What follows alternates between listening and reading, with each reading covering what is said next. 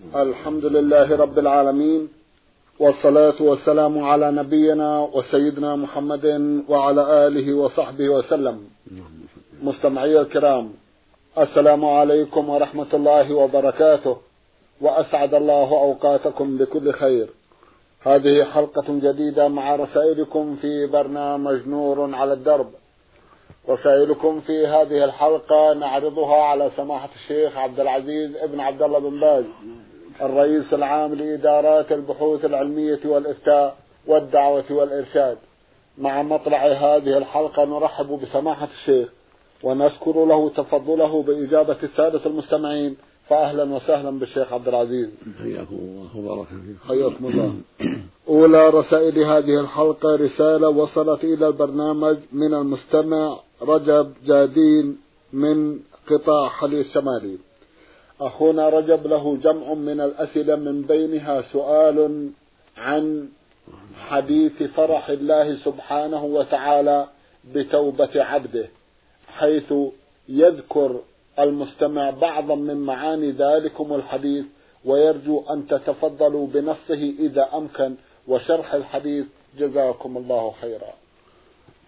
بسم الله الرحمن الرحيم. الحمد لله وصلى الله وسلم على رسول الله وعلى آله وأصحابه ومن اهتدى بهداه. أما بعد فقد ثبت عن رسول الله عليه الصلاة والسلام أنه أنه قال لله أشد فرحا بتوبة عبده من أحدكم براحلته الذي عليها التي عليها طعامه وشرابه فأظلها في أرض فلات فنام فاضطجع قد أيس منها فبينما هو كذلك إذا هو بها قائمة على رأسه. فلما رآها أخذ بخطامها وقال من شدة الفرح اللهم أنت عبدي وأنا ربك. أخطأ من شدة الفرح أو كما قال عليه الصلاة والسلام.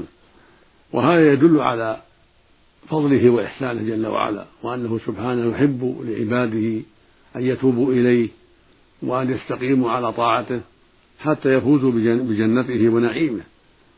والفرح من الله جل وعلا مثل سائر الصفات. كالرضا والغضب والرحمة والمحبة وغير ذلك. كلها صفات تليق بالله يجب إثباتها لله.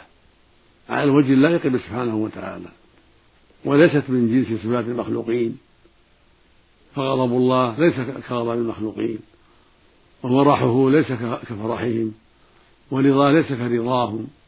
وهكذا رحمته ومحبته وكراهته وسمعه وبصره وغير ذلك كلها صفات كاملة تليق بالله لا يشابه فيها خلق سبحانه وتعالى.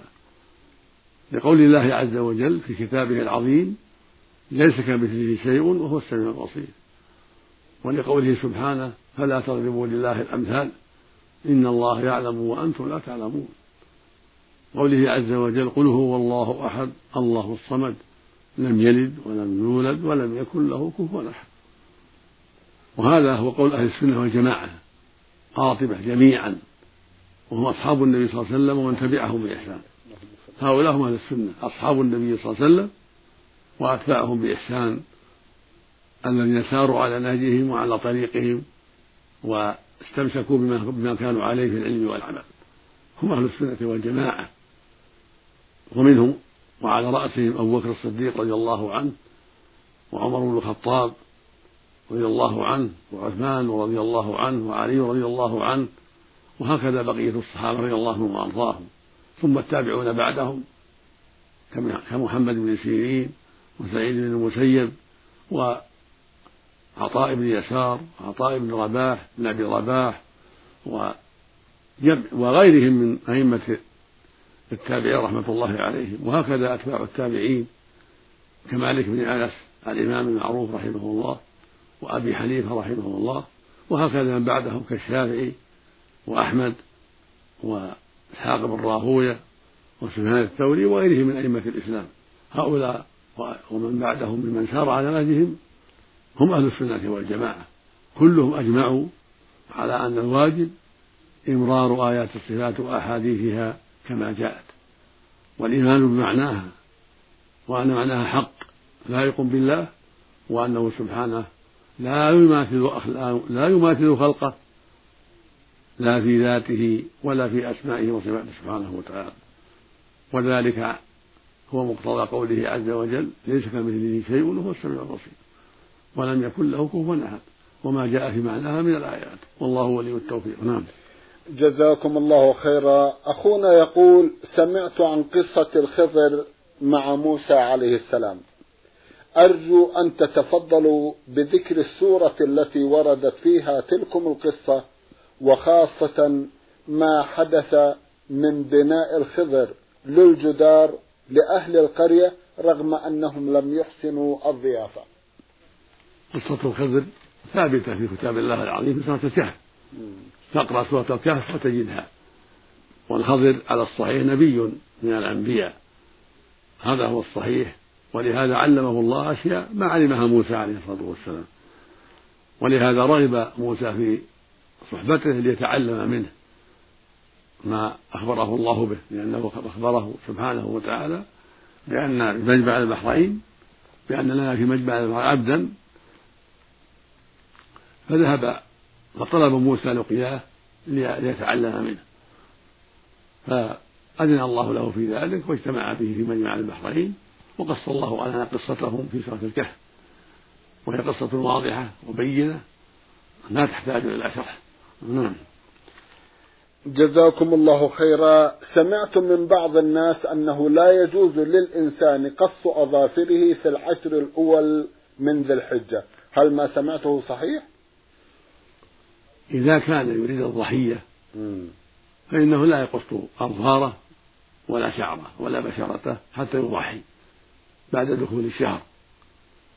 لما ثبت في صحيح مسلم عن أم سلمة رضي الله عنها عن النبي صلى الله عليه وسلم قال إذا دخل شهر الحجة وأراد أحد أن يضحي فلا يأخذ من شعره ولا من أظفاره ولا من بشرته شيئا. أما إذا كان لا يضحي فلا شيء عليه. يقص في عشر الحجة وغيرها. نعم. جزاكم الله خيرا. هناك مجموعة من الأشخاص في بلدي تواطؤوا على ظلمي. والآن والحمد لله وقد فرج الله همي وأريد العفو عنهم باعتبار أن ذلك مقدر من الله سبحانه وتعالى. كيف هي الطريقة المثلى التي تنصحونني بها جزاكم الله خيرا. إذا كانوا قد ظلموك وأحببت العفو عنهم فأنت مأجور ولك خير عظيم وفضل كبير لأن الله جل وعلا يقول وأن تعفوا أقرب للتقوى ويقول النبي صلى الله عليه وسلم ما زاد الله عبدا بعفو إلا عزا ويقول جل وعلا من عفا وأصلح فأجره على الله فأنت على خير عظيم. فإذا ظلموك في غيبة أو مال أو سب أو نحو ذلك وعفوت عنهم فأنت مأجور جزاك الله خيرا. إذا الطريقة لو سمحتم؟ الطريقة أنه يخبرهم حتى يكون ذلك أكمل أنه قد عفى عنهم ولا ولا يطالبهم بشيء. إذا كانوا قد ظلموه كما قال وإن لم يخبرهم فلا بأس. طيب. المقصود العفو إذا عفى عنهم فأجره على الله. إذا ظلموه أخذوا شيء من ماله نعم. أو ضربوه أو سبوه أو ما أشبه ذلك من الظلم وعفى عنهم فأجره على الله سبحانه وتعالى. جزاكم الله خيرا. م. المستمع حسين صالح العويدي الحارثي بعث يسأل ويقول ما هي السنة في طول اللحية؟ ودليل ذلك وهل من قصر لحيته يعتبر عاصيا؟ وهل هي من المعاصي الكبيرة أو من الصغائر؟ وتعليقكم على هذا بكل وضوح جزاكم الله خيرا. اللحية يجب إعفاؤها وتوفيرها وليس لذلك حد في أصح قولي العلماء بل الواجب إعفاؤها وإرخاؤها وتوفيرها. لما ثبت في الصحيحين عن النبي صلى الله عليه وسلم أنه قال قصوا الشوارب واعفوا اللحى خالفوا المشركين. وفي اللفظ الآخر قصوا الشوارب ووفروا اللحى خالفوا المشركين. وفي صحيح مسلم عن أبي هريرة رضي الله عنه عن النبي صلى الله عليه وسلم قال جز الشوارب وأرخ اللحى خالف المجوس. ولم يحدد حد عليه الصلاة والسلام. فدل ذلك على أن الواجب إرخاؤها وتوفيرها وعدم قصها لا يجوز قصها ولا حلقها. ولو طالت ليس له قصها وليس له حلقها عملا بهذه الأحاديث الثابتة عن رسول الله عليه الصلاة والسلام. ولأن في ذلك مخالفة لأهل الشرك وبعدا عن مشابهة النساء. أما ما روى الترمذي رحمه الله عن أبي هريرة رضي الله عنه أن النبي عليه السلام كان يأخذ من لحيته من طولها وعرضها فهو حديث غير صحيح عند أهل العلم. وفي إسناده متهم بالكذب وهو عمر بن هارون البلخي. فهو حديث باطل ليس بصحيح عن رسول الله عليه الصلاة والسلام.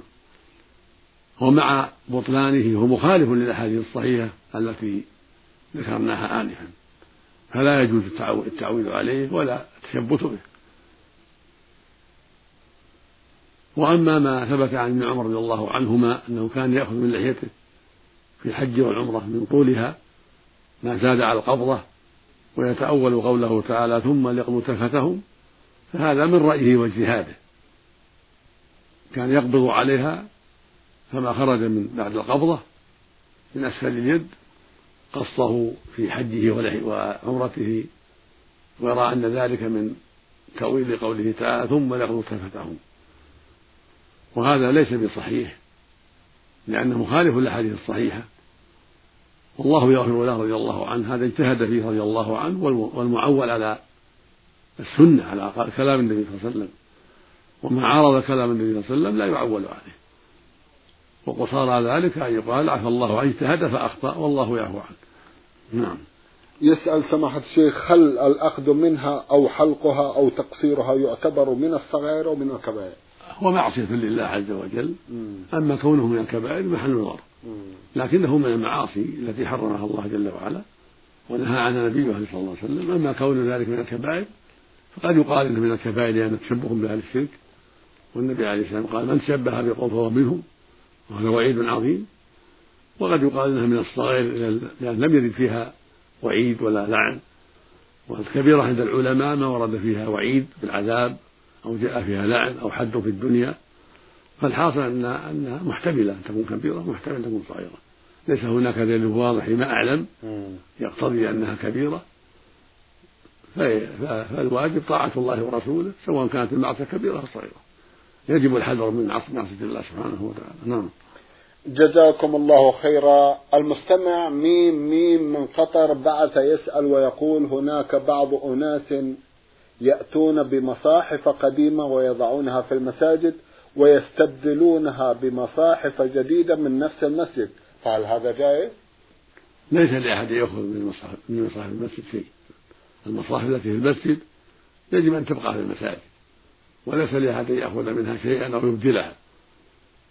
بل الواجب تركها في المساجد لأن أهلها أرادوا أنها وقف ينتفع بها المسلمون في المسجد. فليس لأحد يأخذ منها شيئا ولا أن يبدلها لا بقديم ولا بجديد. جزاكم الله خيرا. أيضا سؤال تقريبا حول نفس الموضوع. هل الاستعارة من المساجد؟ هل الاستعارة من المساجد جائزة أو لا؟ ليس له يستعير أما من المكتبات لا بأس. إذا سمح مدير المكتبة والقائم عليها بالإعارة لا بأس. أما ما وضع في المسجد من الكتب أو من المصاحف فلا يستعار بل يطالع وهو في المسجد. يطالعه وهو في المسجد. نعم. جزاكم الله خيرا. المستمع خالد محمد الدوسري بعث برسالة وضمنها جمعا من الأسئلة من بينها سؤال عن السبحة. إذ يقول سمعت أنها بدعة فما الصحيح في ذلك؟ يروى عن بعض السلف أنه كان يعد تسبيح بالحصى وبعضهم يعده بالنوى وبعضهم يعده بعقد. ولكن النبي صلى الله عليه وسلم كان يعده بالأصابع. كان يعد تسبيحه بالأصابع.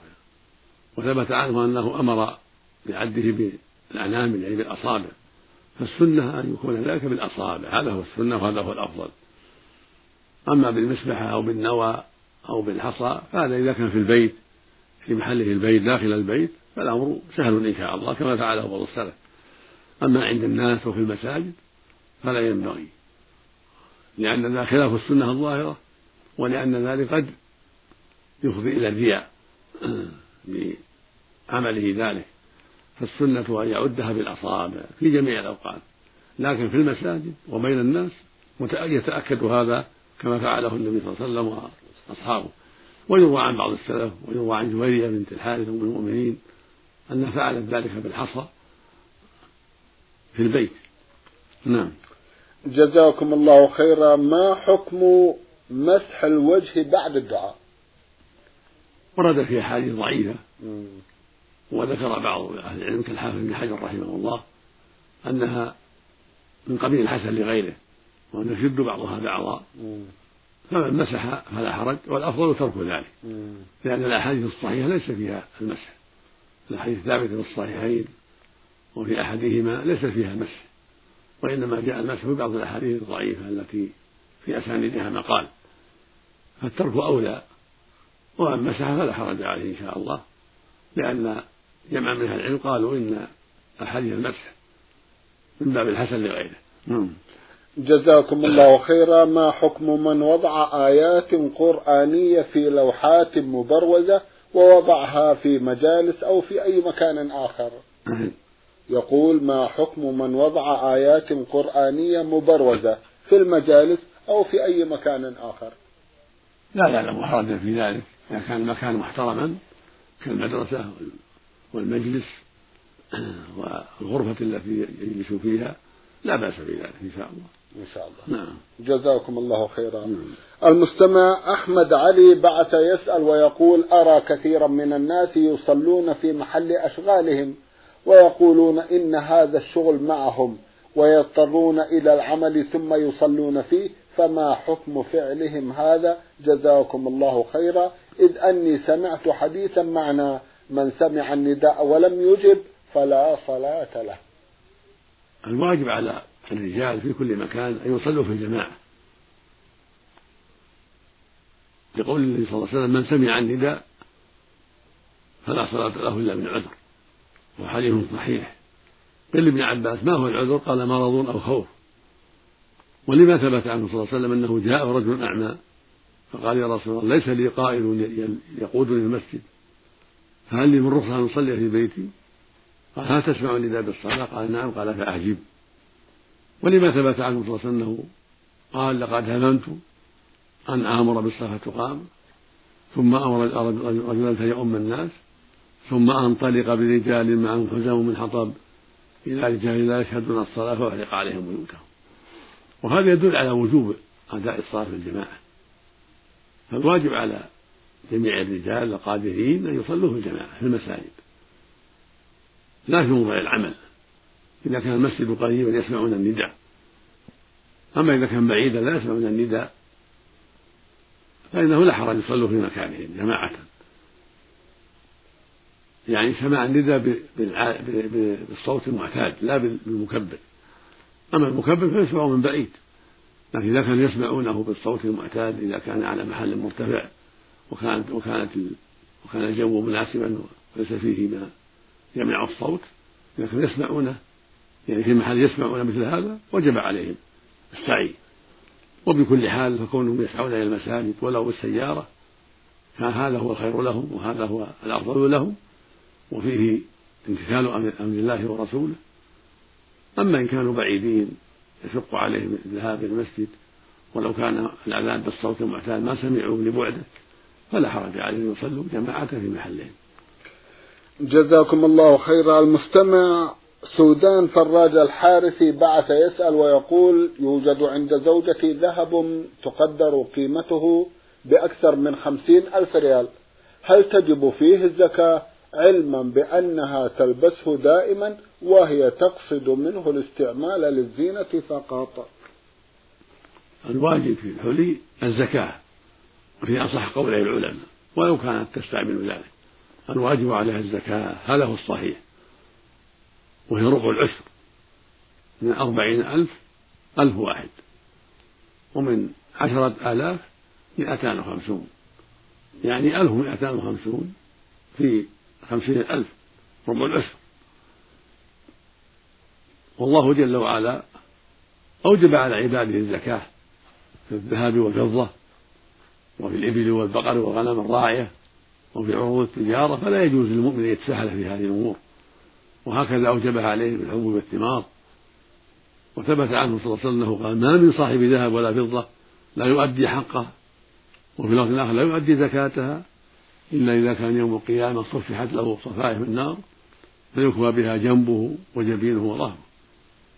في يوم كان مقداره خمسين ألف سنة حتى يقضى بين الناس. ثم يرى سبيله إما إلى الجنة وإما إلى النار. وهذا وعيد عظيم يعم ذهب الحلي وفضة الحلي وغيرها. ولأنه ثبت عنه صلى الله عليه وسلم أنه دخلت عليه امرأة في يد ابنتها مسكتان من ذهب يعني سوارين من ذهب. فقال أتعدين أتعدين زكاة هذا؟ قالت لا. قال أيسرك أن يسورك الله بهما يوم القيامة سوارين من نار فألقتهما وقالت هما لله ولرسوله. رواه الإمام أبو داود والإمام النسائي رحمة الله عليهما في سننهما بإسناد صحيح. وثبت عن أم سلمة رضي الله عنها أنها كانت تلبس أوضاح من ذهب. فقالت يا رسول الله كنز هذا؟ فقال صلى الله عليه وسلم ما بلغ يزكى فزكي فليس بكنز. ولم يقل لها ليس في الذهب ليس في الحلي زكاة. بل قال ما بلغ يزكى يعني ما بلغ النصاب فزكي فليس بكنز أما ما لم يزكى وقد بلغ النصاب فإنه كنز يعذب بالصاحب يوم القيامة. يشير إلى قوله جل وعلا ولن يكنسون الذهب والفضة ولا ينفقون في سبيل فبشرهم بعذاب أليم. الحاصل أن الحلي من الذهب والفضة التي تستعملها النساء فيها الزكاة إذا بلغت النصاب. والنصاب عشرون مثقالا ومقداره أحد أحد عشر جنيه ونصف. ومقداره بالإغرامات اثنان وتسعون غراما فإذا كان الذهب أقل من هذا فلا زكاة فيه. نعم. جزاكم الله خيرا. الأخت المستمعة نادية عبد السلام بعثت تسأل وتقول هل صلاة الأوابين صحيحة وهي ست ركعات بعد صلاة المغرب؟ هذا ليس بصحيح وليس بثابت. لكن تستحب الصلاة بين المغرب والعشاء ولو أكثر من ست ركعات. لكن ما تسمى صلاة الأوابين. صلاة الأوابين صلاة الضحى. هذه صلاة الأوابين. إذا اشتد الضحى فالصلاة ذاك الوقت يقال لها صلاة الأوابين. قال النبي صلى الله عليه الصلاة والسلام صلاة الأوابين حين ترمض ترمض الفصال. يعني حين يشتد الحر ضحى هذه صلاة الأوابين صلاة الضحى عند شدة الحر يعني عند علو النهار قبل الزوال بساعة أو ساعتين يقال لها صلاة الأوابين. أما ما بين المغرب والعشاء فالحديث فيها ضعيف. تسمية صلاة الأوابين ضعيف. ولكن يستحب للمؤمن أن يصلي فيها والمؤمنة ما يسر الله له. غير سنة المغرب. أما سنة المغرب فهي مؤكدة. سنة مؤكدة. ركعتان بعد المغرب. وإذا صلى زيادة ركعتين أخريين أو أربع ركعات أو ست ركعات أو عشر ركعات كله طيب. ما بين صلاة المغرب والعشاء كله محل عبادة ولو صلى كثيرا كله محل تطوع. وهكذا بعد العشاء كله محل تطوع. والحمد لله. نعم. جزاكم الله خيرا. رسالة من إحدى الأخوات المستمعات تقول المرسلة ليلى مطر تسأل هي أيضا عن وزن ومبلغ الحلي الذي تخرج زكاته. تقدم بين ذلك في جواب السابق وأن الحلي التي فيها الزكاة هي التي تبلغ النصاب. إذا كانت الحلي تبلغ أحد عشر جنيه وثلاثة أسباع جنيه يعني نصف جنيه ثلاثة أحد عشر جنيه ونصف جنيه. هذه تخرج زكاتها. أما إذا كانت أقل فليس فيها زكاة. ومقدارها بالغرام 92 غراما. فإن كانت الحلي أقل من هذا فليس فيها زكاة. أما إن كانت أكثر ففيها الزكاة بالحساب ربع العشر. في كل ألف خمسة وعشرون. في عشرة الآلاف مائتان وخمسون. في عشرين ألف خمسمائة. في أربعين ألف ألف واحد وهكذا. جزاكم الله خيرا. تسأل وتقول هل يجوز للمرأة أن تقص شعرها؟ لا بأس أن تخفف شعرها وإذا كان لها زوج فالأول مشاورته لأنه زينة الرأس زينة وجمال فإذا اتفقت مع زوجها على قص بعض التخفيف يعني طويل أو يشق عليها فقد ثبت عن أزواج النبي صلى الله عليه وسلم بعد وفاته أنهن قصصن من رؤوسهن للتخفيف. نعم. الله المستعان. تسأل سؤالها الأخير وتقول هل يجوز للمرأة أن تصلي ولو لم تكن لابسة لعباءة أو أي غطاء آخر؟ لا بد من ستر عورتها بملابس ساترة. تستر بدنها كله مع الرأس ما عدا الوجه.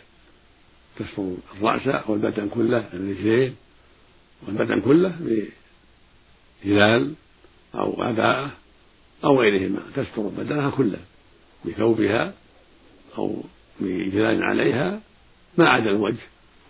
وهكذا الكفان لو لو لو ظهر لا يضر ظهورهما لكن سترهما أفضل.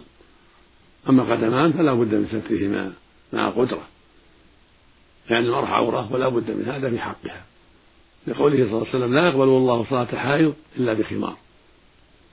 الحائض يعني البالغ البالغة. نعم. إلا بخمار هو الثوب اللي يوضع على الرأس ويقال لها الشيلة تستر بها الرأس. أما الوجه فإنه في السنة إبرازه في الصلاة. تصلي المرأة ووجهها بارز ظاهر غير مستور إلا إذا كان عندها أجنبي فإنها تستر وجهها كأخي زوجها أو عم زوجها أو غيرهما من الأجانب الذين ليسوا ليسوا محارم. وأما إذا كان ما عندها هذا النساء أو زوجها تستر فإنها لا تستر وجهها. بل تكشف وجهها والأفضل ستر كفين أيضا وإن كشفتهما فلا حرج على الصحيح. أما الرجلان فالواجب سترهما. نعم. جزاكم الله خيرا. من مدينة المرج في ليبيا المستمعة نوارة سالم محمد بعثت برسالة وضمنتها سبعة أسئلة. في أحد أسئلتها تقول والدتي يوم أن كانت صغيرة في العقد الأول من عمرها حملت ابن أختها الرضيع فوقع منها على الأرض مما أدى إلى وفاته بعد يومين لكنها لم تخبر أهلها بذلك وظنوا أن وفاته بسبب مرض أو غيره وقد أخبرتنا وأخبرت والدته منذ فترة بسيطة بما حصل منها وهي تستفسر عن الحكم فأرجو إفادتها بذلك ماذا عليها تجاه رب العزة والجلال؟ وتجاه أولياء الطفل ولكم من الله المثوبة. إذا كان الواقع ما ذكرته السائلة فعلى التي وقع منها الحادث أن تخبر أولياء الطفل بما جرى. ومرجعهم بعد ذلك في في الموضوع إلى المحكمة الشرعية. إذا كانت صغيرة ما بعد بلغت الحلم فليس عليها كفارة. أما الدية فهي على العاقلة وهم العصبة إذا ثبت ما ذكرت السائلة أن الطفل وقع منها وإن سمح أهل الطفل فلا حرج إذا سمحوا عن الدية فلا حرج وإن طلبوا فالمرجع في ذلك إلى المحكمة وهي على العاقلة على العصبة لأنه خطأ ليس باختيار المرأة وإن كانت صغيرة فليس عليها كفارة أما إن كانت كبيرة قد بلغت العلوم فعليها كفارة وهي عتق رقبة مؤمنة فإن عجزت تصوم شهرين متتابعين. لأن هذا قتل خطأ حصل بسببها بسبب تفريطها وتساهلها. نعم. نعم. جزاكم الله خيرا. يا أخت نوارة سنعود إلى رسالتك في حلقة قادمة إن شاء الله تعالى. مستمعي الكرام كان لقاؤنا في هذه الحلقة مع سماحة الشيخ عبد العزيز بن عبد الله بن باز الرئيس العام لإدارات البحوث العلمية والإفتاء والدعوة والإرشاد. شكرا لسماحته. وأنتم يا مستمعي الكرام شكرا لحسن متابعتكم وإلى الملتقى وسلام الله عليكم ورحمته وبركاته.